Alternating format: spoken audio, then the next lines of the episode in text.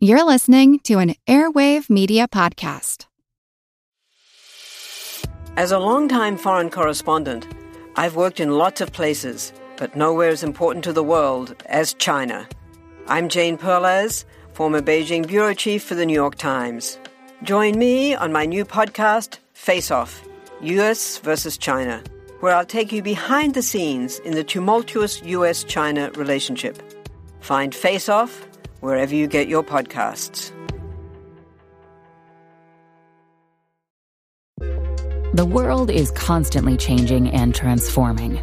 Cut through some of the noise with What's New with Wired, a podcast that goes in depth on the latest news and technology and culture. Their award winning journalism will help you make sense of what's happening in the world. Listen to What's New with Wired wherever you get your podcasts. That's What's New with Wired wherever you get your podcasts. This is Kick Ass Politics. I'm Ben Mathis.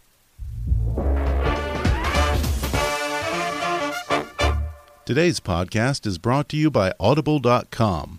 Audible has over 180,000 audiobooks available to download for your iPhone, Android, Kindle, or MP3 player. And right now, Kick Ass Politics listeners can get a free audiobook download and a 30-day free trial. Just go to audibletrial.com backslash kickasspolitics or click on the sponsor link on our webpage at kickasspolitics.com and go get your free audiobook. Submitted for your approval.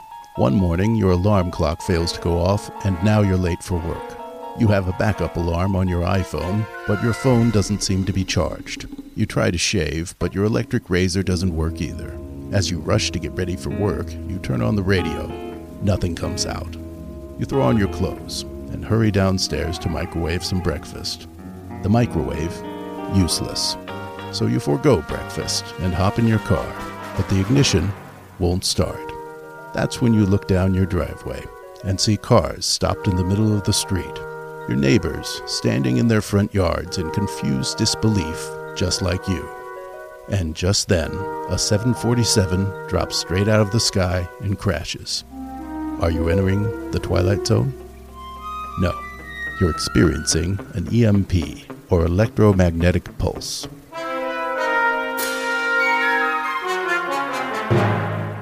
Hi, folks. I'm Ben Mathis, and welcome to Kick Ass Politics. While it may sound like science fiction, EMP is a real phenomenon and a serious threat to our very way of life. A naturally occurring EMP caused by a solar flare or a man made EMP attack from a nuclear detonation have the potential to destroy the entire U.S. electrical grid, causing every conceivable failure from a computer crash to radioactive meltdowns at our nuclear reactors.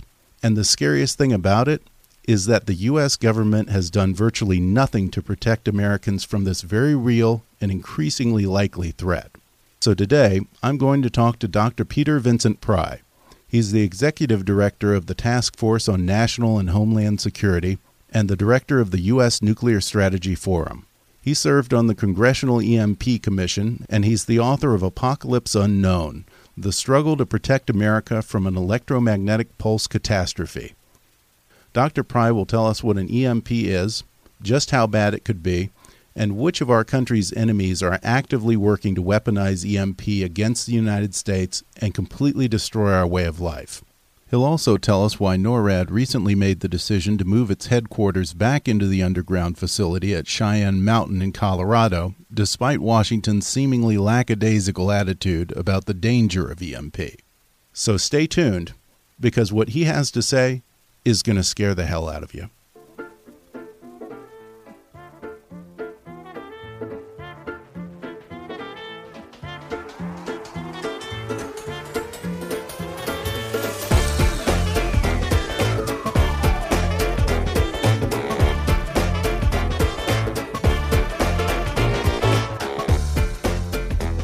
From Hollywood to Washington, it's time for Kick Ass Politics. And now here's your host, Ben Mathis. Today I have Dr. Peter Vincent Pry on the show. He's the executive director of the Task Force on National and Homeland Security, and he served on the Congressional EMP Commission. He's here to sound the alarm on the growing threat of EMP. Dr. Pry, Thanks for coming on the show. Well, thank you so much for having me. It, it's strange to me that EMP seems to get very little coverage on the media, and I suspect that most Americans aren't even familiar with the concept. So, first, walk our listeners through it. What exactly is an electromagnetic pulse? Well, an EMP can be caused by man or by nature. It can be caused by a nuclear weapon or by non-nuclear weapons. And what it is essentially is a uh, it's like a radio wave. It's like a super energetic radio wave that's got so much energy in it that it will destroy electronics and electronic systems. The, the EMP itself is, uh, uh, if it comes from nature or comes from a nuclear weapon, you know, is, is harmless to people in its direct effects. You know, can pass harmlessly through your body. Uh, but it's the electronics and the, the indirect effects that can end up as a civilization quite literally by destroying the electronic infrastructures like the power grid and the telecommunication systems, transportation systems, business and finance, food and water, everything depends directly or indirectly on electricity. And when you lose that technology, you know, we can't support that many people anymore. The EMP Commission on which I served estimated that a, a, a year long blackout caused by a nuclear or natural EMP catastrophe could kill up to nine of ten Americans through starvation, disease, and societal collapse. Nine out of ten Americans in one year. Yeah, and it's really common sense if you think about it. I mean, to try to cast your mind, imagination back to uh, the time before we had an electric grid, you know, and that brings you back to before World War One. Well, back then, 75% of us were farmers, and almost everybody was no more than one generation removed from pioneer stock. Everybody right. knew how to hunt and fish, and they did to supplement the family diet pretty much. So if you think about, well, what would happen if you took away that technology and you had a 100 million people left, you know, to uh, you know to try to keep alive? Unless all of those people, mostly city dwellers, could learn to become survivalists in a big hurry, they're going to die of starvation, disease, and the chaos. Right. It would be complete anarchy, I guess. We've got over a 100 nuclear reactors country, you know, that would go Fukushima. Radioactive uh, fallout would be over vast swaths of the eastern United States where most of the population lives. Natural gas explosions and firestorms in cities would result from the EMP. Uh, the chemical spills, there would be catastrophic consequences from the blackout. The safety mechanisms that are built into complex chemical factories and nuclear reactors and other things airplanes flying into the sky. You lose a half a million people almost immediately, you know, from airliners crashing. You know, at any given time, there's about 500,000 people in wow. flight over the air, and at, at least in a nuclear EMP event, all those planes would be at risk. And cars would be affected too. Cars wouldn't work either, huh? Sure. You know, uh, uh, cars wouldn't start. Now, uh, oh. the particular vulnerability of an automobile would depend on where it's located. You know, for instance, if you were lucky and your car was parked in an underground garage, you know, it probably would survive hmm. and be able to run. Oh. But uh, but the gas stations wouldn't work, and the pipelines to bring gas to get uh, gasoline and the trucks that would bring gasoline to fire the ga- gas stations wouldn't work either. So your car would work as long as you could wow. put gas into it, and that would be a very significant challenge in a post EMP environment. So you're saying this would be a little bit worse than not getting cell reception? yes, absolutely. This wouldn't be you know, when you say the word blackout, a lot of people, because people have lived through blackouts, short blackouts, you know, and uh, they don't know uh, what it would like be like to have a protracted blackout. The people who lived through Hurricane Katrina have some idea, you know, where the area around New Orleans was blacked out for, you know, for many months. We were able to bring food and water into into Katrina. You know, the the uh, military, you know, brought in medical equipment, stuff like that if the whole country were in blackout and uh, and suffering, uh, you know, industrial calamities, uh, that wouldn't be possible. You know, it wouldn't be possible to count on what we call the edge effect. That is, there are areas around the disaster, like around a hurricane area, where we can go in and rescue them because the whole country isn't affected at once. Makes a big difference when the whole country is is basically in blackout and in a, in a catastrophe. Uh, you know, there is nobody who can come to the rescue then. Now, there are two types of EMP. Yeah. There are naturally occurring EMP caused by solar flares, right? That's right. And and then there's the idea of a man-made EMP which would be caused by a nuclear detonation. Tell me more about the difference between the two, and particularly in terms of the effect that each one has. Well, let's start with the natural EMP, which is easier to understand. Um, basically, EMP 101, uh, you know, is that a, a moving magnetic field will generate a current in a wire. And you know this when you go to start your lawnmower. If you have one of those lawnmowers that still has a cord on it, you know, you pull you pull on the cord and it causes a magneto to spin. This is a cluster of magnets and it causes a moving magnetic field. And this is, induces a current in the wire surrounding the magneto and it creates a little EMP in the form of a spark that you can see in your spark plug. Now the Earth is a giant magnet and it's surrounded by a magnetosphere. It's got a north and south pole and it's surrounded by a magnetosphere. And when a solar storm, a solar flare, you know, hits the magnetosphere, it causes it to wobble around and move around, just the way you were moving around that magnetic field, magnetic field in your lawnmower heart when you were uh, pulling on the cord. And this induces hmm. currents in uh, in wires on the surface of the Earth, particularly the long wires, because the natural EMP has a very long wavelength, and um, it has to uh, the antenna or whatever the object being affected has to have a, a length of, uh, you know, a, about a kilometer or something like that. So it'll couple well into long things like power lines and the railroad tracks and natural gas pipelines, anything that's made of metal that's really long. The natural, the, the natural EMP, because of this long wavelength, won't directly affect your automobile. It probably wouldn't directly affect airplanes, except perhaps the very largest ones um, you know, uh, the personal computer on your desk and things of that sort would not be directly affected. However, okay. if it's plugged into the wall, uh, you know, if your personal computer is plugged into the wall, you know, the EMP will follow the power lines into your house and get into your personal computer that way. And the big thing it does would be to crash the electric grid. And uh, when you take down that electric grid, uh, even if it didn't affect any of the other critical infrastructures directly, that's all it has to do. Yeah. You know, because the other critical infrastructures will fail within about 72 hours after the electric grid is gone. They've only got, on average, about an, an emergency generating capability of about 72 hours. You know, that then they run out of gas or whatever else is being used to fuel the emergency generators, and you're right where you would have been if it had been a nuclear EMP, which phenomenologically is a little different, but you both bend up in, in exactly the same space. Now, the nuclear EMP does the same kind of an EMP as a geomagnetic storm does.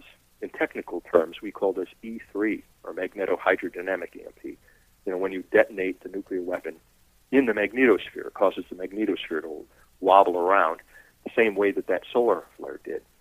However, the yeah, nuclear weapon does something else in addition to that. It, it, it puts out a lot of gamma rays, and there's a thing called the Compton effect well, we won't get very scientific, but it basically knocks electrons off of atoms high in the atmosphere, and these spin around at the speed of light, following the Earth's lines of geomagnetic force, and it's, it creates uh, a a well, I've described it before, but it's a super energetic radio wave that has a very short wavelength.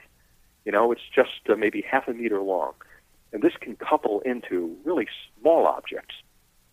Uh, uh, uh, you know, and so that it does the same damage that a geomagnetic storm would do, but it also does additional damage, deeper damage, by getting deeper into the electronic systems and burning out computers, and uh, it can stop automobiles, it can take down airplanes.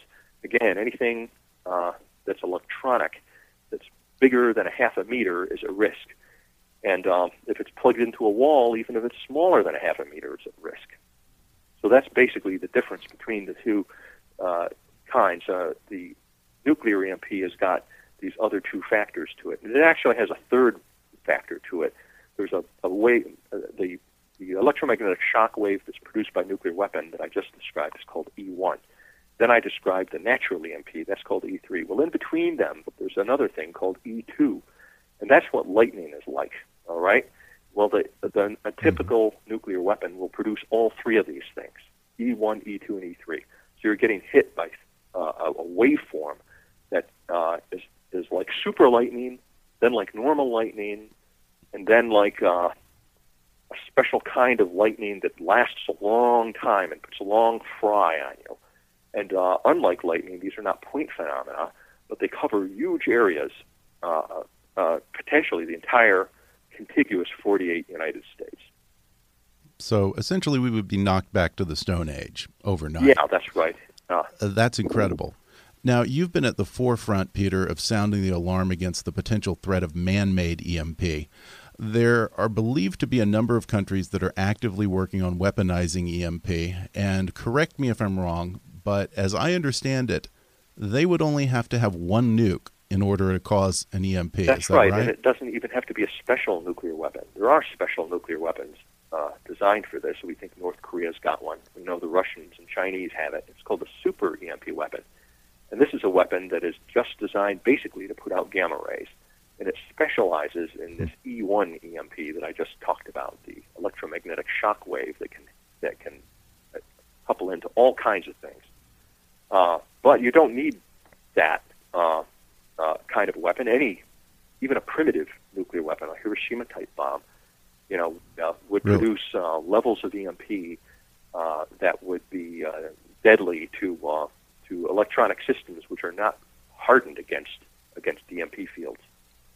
Now, now they can't just detonate a suitcase nuke on the ground. It has to be at a certain altitude, right? Yes, although I have to, uh, as a footnote, even a nuclear weapon detonated on the ground is going to cause it will create a different kind of EMP. It doesn't go out very far, but it, it, it can couple into power lines. Potentially, you could black out, you know, a significant large region, perhaps on an entire state, you know, with a ground burst uh, type weapon.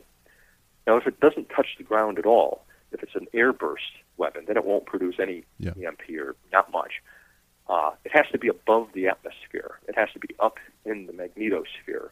Uh, the minimum altitude is Okay. 30 kilometers. You know, you want it, the object is to get the warhead at least 30 kilometers high. Uh, The higher you go, the more area you'll cover.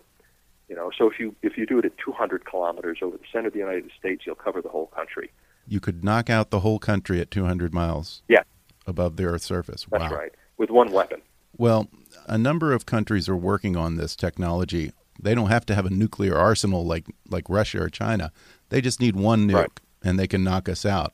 So, are we more concerned about uh, Russia or China, or are we more concerned about the rogue nations like Iran and North Korea that have nothing to lose? most people are more concerned about Iran than they are about anybody else because of their their self-destructive ideology. But Right. uh, Iran is unique in the modern world in that uh, you know it has a medieval religious eschatological outlook where the mullahs who control that country don't really think in in modern geostrategic terms about advancing the interests of the nation state in which they live they see Iran and its people as serving this religious purpose of bringing back their 12th Imam. And uh, their object is, even if they have to sacrifice the country, uh, it'll be a, a good thing to do if in the end it means the spiritual triumph of Islam on this earth and after this earth. You know, their r- biggest focus is in Right. a world that isn't on this world. You know, it's in the spiritual universe. Um, and that's what all they're concerned about. That's why, you know, these guys don't mind sending children off to uh, commit suicide by bombing. Nu- Iran is basically a nuclear truck bomb headed our way. So most people are most Wow. concerned about Iran because of its ideological issues. But I don't think we should underestimate the threat from the other countries either. You know, uh, you know, even though North Korea, for example, and its leader Kim Jong Un, uh, uh, theoretically they're an atheist country, but within North Korea, Kim Jong Un is worshipped as uh, as a demigod. You know, we laugh at these stories about how Kim Jong Un does so well at playing golf. That he, you know, has such a great golf store, and he's uh, he's he's, Yeah. he's perfect at everything. You know, and that all that's humorous to us in the West. But you know, those that propaganda is being done because they're trying to brainwash their people into convincing them that this guy basically is God, and a and a state that uh, that uh, a leader who wants to educate his people that he is God tends to have a bad habit of eventually starting to think that he is God. So I'm not very comfortable with North Korea having a super EMP weapon either. Uh, you know, to me, Yeah. it's kind of a toss-up about uh, who should I be more uncomfortable with, the mullahs or somebody like a Kim Jong Un who's Caligula in the third generation. And then we could go into China and Russia too, but you know, one can come up with reasons to be very concerned about those countries too. Yeah. Well, none of these guys are our friends. So, do you want to be annihilated by the tin pot dictator or do you want to be annihilated by a world power? Either way, same result. Well, we're going to take a quick break, and then I'll be back to talk more with Dr. Peter Vincent Pry. Back in a moment.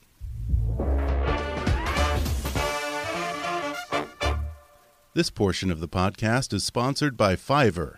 That's F I V E R R. You've heard me rave about Fiverr before. Fiverr is the world's largest online marketplace for services with over a hundred categories, all offered at a fixed base price of just $5. Logo design, business consulting, marketing, business cards, stationery, web design, translation, proofreading, legal consulting, and just about any other service you can imagine all offered at a base price of just $5. In fact, you know the announcer who does the intro to Kick Ass Politics?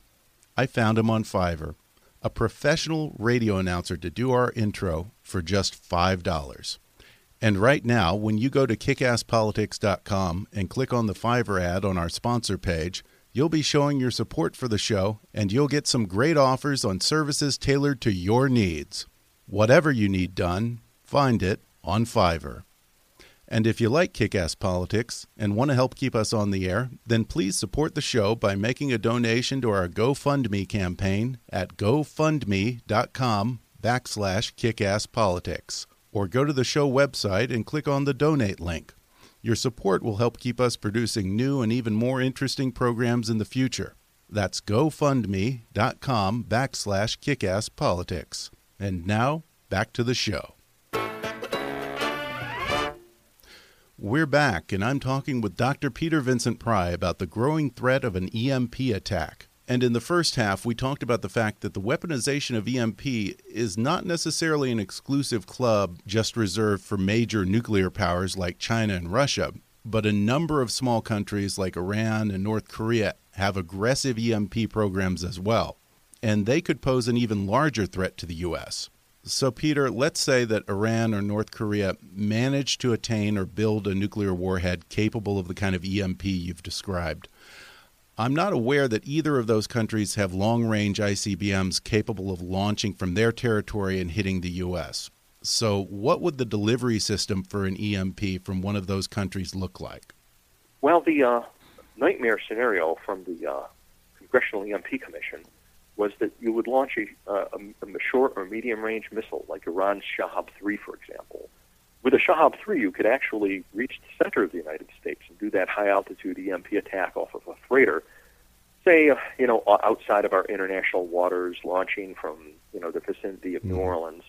Uh, you know, and you could get it up high enough and deep enough into the country to put an EMP field over the whole country. If you had a shorter range missile, you know, you could still basically destroy the whole country because one of the things that isn't understood, you don't really need to put the EMP field down everywhere. Really, all you've got to do is take down the eastern grid. You know that generates 70 percent of our electricity, and most of our people live under the eastern grid. Uh, you know, even at a lower altitude, like 30 kilometers, which would cap on EMP field something equivalent to the northeastern part of the United States in size, if you can imagine that. That would collapse the whole eastern grid there'd be cascading failures. It would destroy stuff immediately, everything within a radius of 600 miles under the EMP field. But more stuff would get destroyed outside the EMP field from the cascading consequences of that. You know, because what happens when you destroy transformers and, uh, you know, the load has to go somewhere. And it goes to the part of the grid that isn't destroyed yet. And then those transformers get overloaded and they get destroyed. And so the, the, it has a rippling destructive effect through the system. This is how a falling tree branch caused the great Northeast blackout of 2003, you know, by causing rippling failures through the system. Now, if you used a nuclear weapon instead of a tree branch, the consequences would be much more protracted and severe. We've okay. actually seen Iran practice that, where they have launched, you know, short-range missile off of a freighter. Uh, we've seen them use their mobile Shahab 3, uh, which is because it's a mobile missile, it would be well suited to launch off a freighter. But they've conducted several tests that look like they've been fusing, practicing fusing warheads for high altitude detonation. And uh, Dr. Graham, who had been the chairman of my EMP commission, you know, concluded that there's really no other explanation except that they were practicing EMP attacks with those Shahab 3 flights. Or even on a high lift meteorological balloon. You don't even really need a missile to take out the grid. Oh, really? Yeah, if you lofted it by balloon, Wow. you could do it that way. Um, also, if you had, or if you had a uh, any kind of an aircraft that could approach Mach one, you can. If the pilot's willing to Mhm. commit suicide, you know, you can do a zoom climb and get yourself up above 30 kilometers that way. And um, perhaps most disturbing of all is, you know, during the nuclear crisis we had with North Korea, or a couple of months after it, it was back in 2013, and uh, Right. I think he deliberately provoked a crisis so he could practice this new way of war. You know, because in the middle of that crisis, Hmm. North Korea orbited a satellite over us. That, that's another way of doing it, where you could perhaps keep your fingerprints off the attack and do it anonymously. This concept was originally invented by the Soviets during the Cold War, and it's called a fractional orbital bombardment system. What it is is, you know, you use you use a missile, a, a space launch vehicle, basically. Uh, it looks like a peaceful space launch vehicle, and it looks like you're going to launch a satellite, but you've got a warhead hidden inside the satellite. Huh. And um, the idea is is that okay, this thing looks like a space launch vehicle, and then uh, when it's launched, it goes on a satellite type trajectory. So to us, it looks like oh, it's just a satellite, and it's launching away from the United States. It goes away from the United States, passes over the South Polar region, then comes up at us from the other side of the world, coming up from the south, because we don't have even today. You know, we don't have any ballistic missile early warning radars or uh, or uh, missile interceptors facing south. We're blind. Right. It's a relic of the Cold War. We're we're we're we're, we're expecting attack exactly, from Russia. Exactly. And that's why the Soviets invented this thing during the Cold War. But even after they did, we've neglected to shore up our southern defense. And both North Korea and Iran have practiced orbiting satellites in exactly that trajectory. Uh, in fact, one of the satellites, uh, the KSM-3, it's a North Korean satellite, uh, orbits over us regularly at the optimum altitude for putting an EMP field down on all 48 contiguous United States. Suppose there was a nuclear warhead hidden in that satellite right now. And if they detonated it and they took out our critical infrastructures and all the rest, would we know that that was North Korea that made the attack?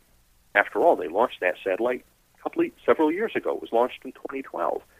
Having been in the intelligence community, I can just imagine the arguments that would be made to the president to not attack North Korea because we don't know for sure if they did it or not. You know, we could say, well, maybe it was the Iranians or the Chinese or the Russians who did it off a freighter or using some other means to try to, uh, you know, provoke us into attacking the North Koreans, and so, uh, and so they would escape retaliation. It would be hard to figure out, Yeah. especially after, you know, It might not matter because we might not be able to retaliate. yeah, we might not be able to retaliate, and our intelligence probably would not be working uh, very well either. You know, when you're going into a situation of complete blackout, all those sensors, the data we rely on from Spanish satellites, and all the rest, you know, would be taken away from us from the uh, from the EMP attack. So essentially, an Iran could level the playing field in one fell swoop. Yeah. Basically, we would be knocked back to the Stone Age just like them. Or the other thing is, I suppose, you know, God forbid, if we had another world war eventually with the China or Russia, I have to imagine that their first priority would be to do a Pearl Harbor like strike on our electrical grid. And then once they've done that, we'd essentially be, like I said, kicked back to the Stone Age and completely defenseless. Well, you're absolutely right, and and you've actually anticipating uh, anticipated uh, what military theorists in Russia, China, North Korea, and Iran are thinking, because there's this a new way of warfare. They call it a revolution in military affairs. It was originally conceived by the Russians. Uh, it's uh, to use nuclear EMP attack in combination with cyber attack, and physical sabotage, and non-nuclear EMP weapons, and maybe even to exploit the weather, like to make an attack against the grid on a hot day, you know, Wow. which which puts natural stress on Oh, the grid really? or out of a hurricane. Uh, yes, and uh, for example, in, in General Viktor Slipchenko's book "No Contact Wars," he describes this new way of warfare, and the idea here is is that it makes high technology armies and navies obsolete because you can go around them by attacking the unprotected civilian infrastructures, and particularly the electric grid, and cause and, and destroy the, the civil foundation of the society, its industrial base, and all the rest. And you can't fight a war very long, even if you've got a high tech army left over, when you've lost your electric grid and all the other critical infrastructures have collapsed. You know, Russia sees it as a, a, a revolution in military affairs that would enable them to decisively triumph over the West if they had to get into a war. You know, by using just one nuclear weapon or one nuclear weapon against every adversary uh, that they that they faced. I think that's also that's what people don't realize about the Iranian threat is they only have to be right once. They don't have to build up a Soviet Union like arsenal. Right. They just need one, and, and, and, then they can destroy our entire and existence we, and we here. even know that that's why they want the bomb to do an EMP attack because they've written about it. The EMP Commission, you know, uh, found the military writings showing that they know about EMP, that they plan to make that EMP attack. Uh, Mr. Fr- Congressman Trent Franks, who's been a leader in Congress on this, read into a little bit into the congressional record from a recently translated Iranian military textbook that is all about this revolution in military affairs I was telling you about, with a great focus on a nuclear EMP attack to take out the United States. I mean, this thing describes how they would do it and basically endorses uh, this is, is the way to win a future war.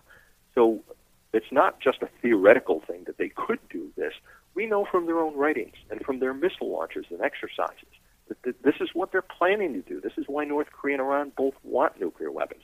It really doesn't make any sense to put all that money into developing weapons and missiles if you're trying to think of the Cold War type nuclear strategies, because as you correctly pointed out, you know, there's no way they could ever compete with us. Uh, you know, uh, either at the technological level or in terms of numbers. But they don't have to this way. You know, this way they can all they need is that one warhead. Just land one warhead on target, and uh, uh, and it's a big target, you know, to be able to get one to detonate 200 kilometers above the United States. And it's hard to miss a big target like the whole continental United States. That creates, for the first time in history, a situation where failed states like Iran and North Korea can actually take out the most successful societies on earth and, and prevail over them. Well, Dr. Peter Vincent Pry, thank you for coming on the show and waking people up to this very real threat. Well, thank you so much for having me. Absolutely. Well, folks, this is a serious enough issue that I decided to break this interview with Dr. Peter Vincent Pry into two parts.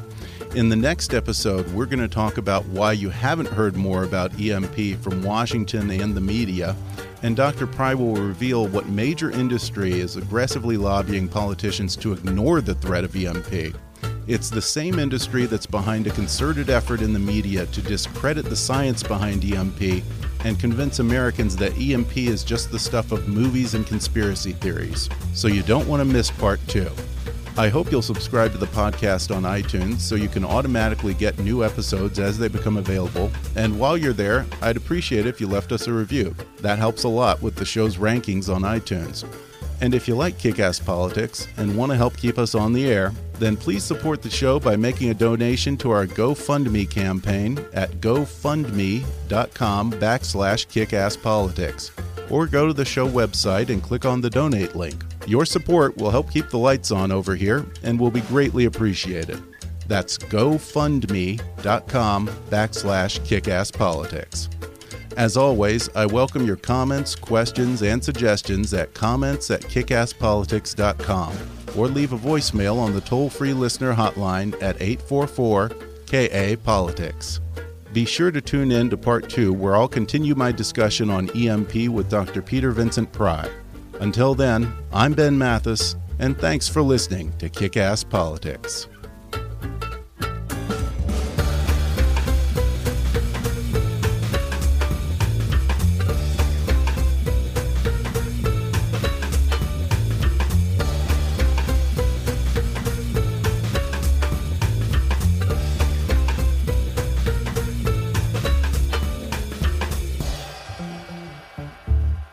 Kickass Politics is a trademark of Mathis Entertainment, Inc.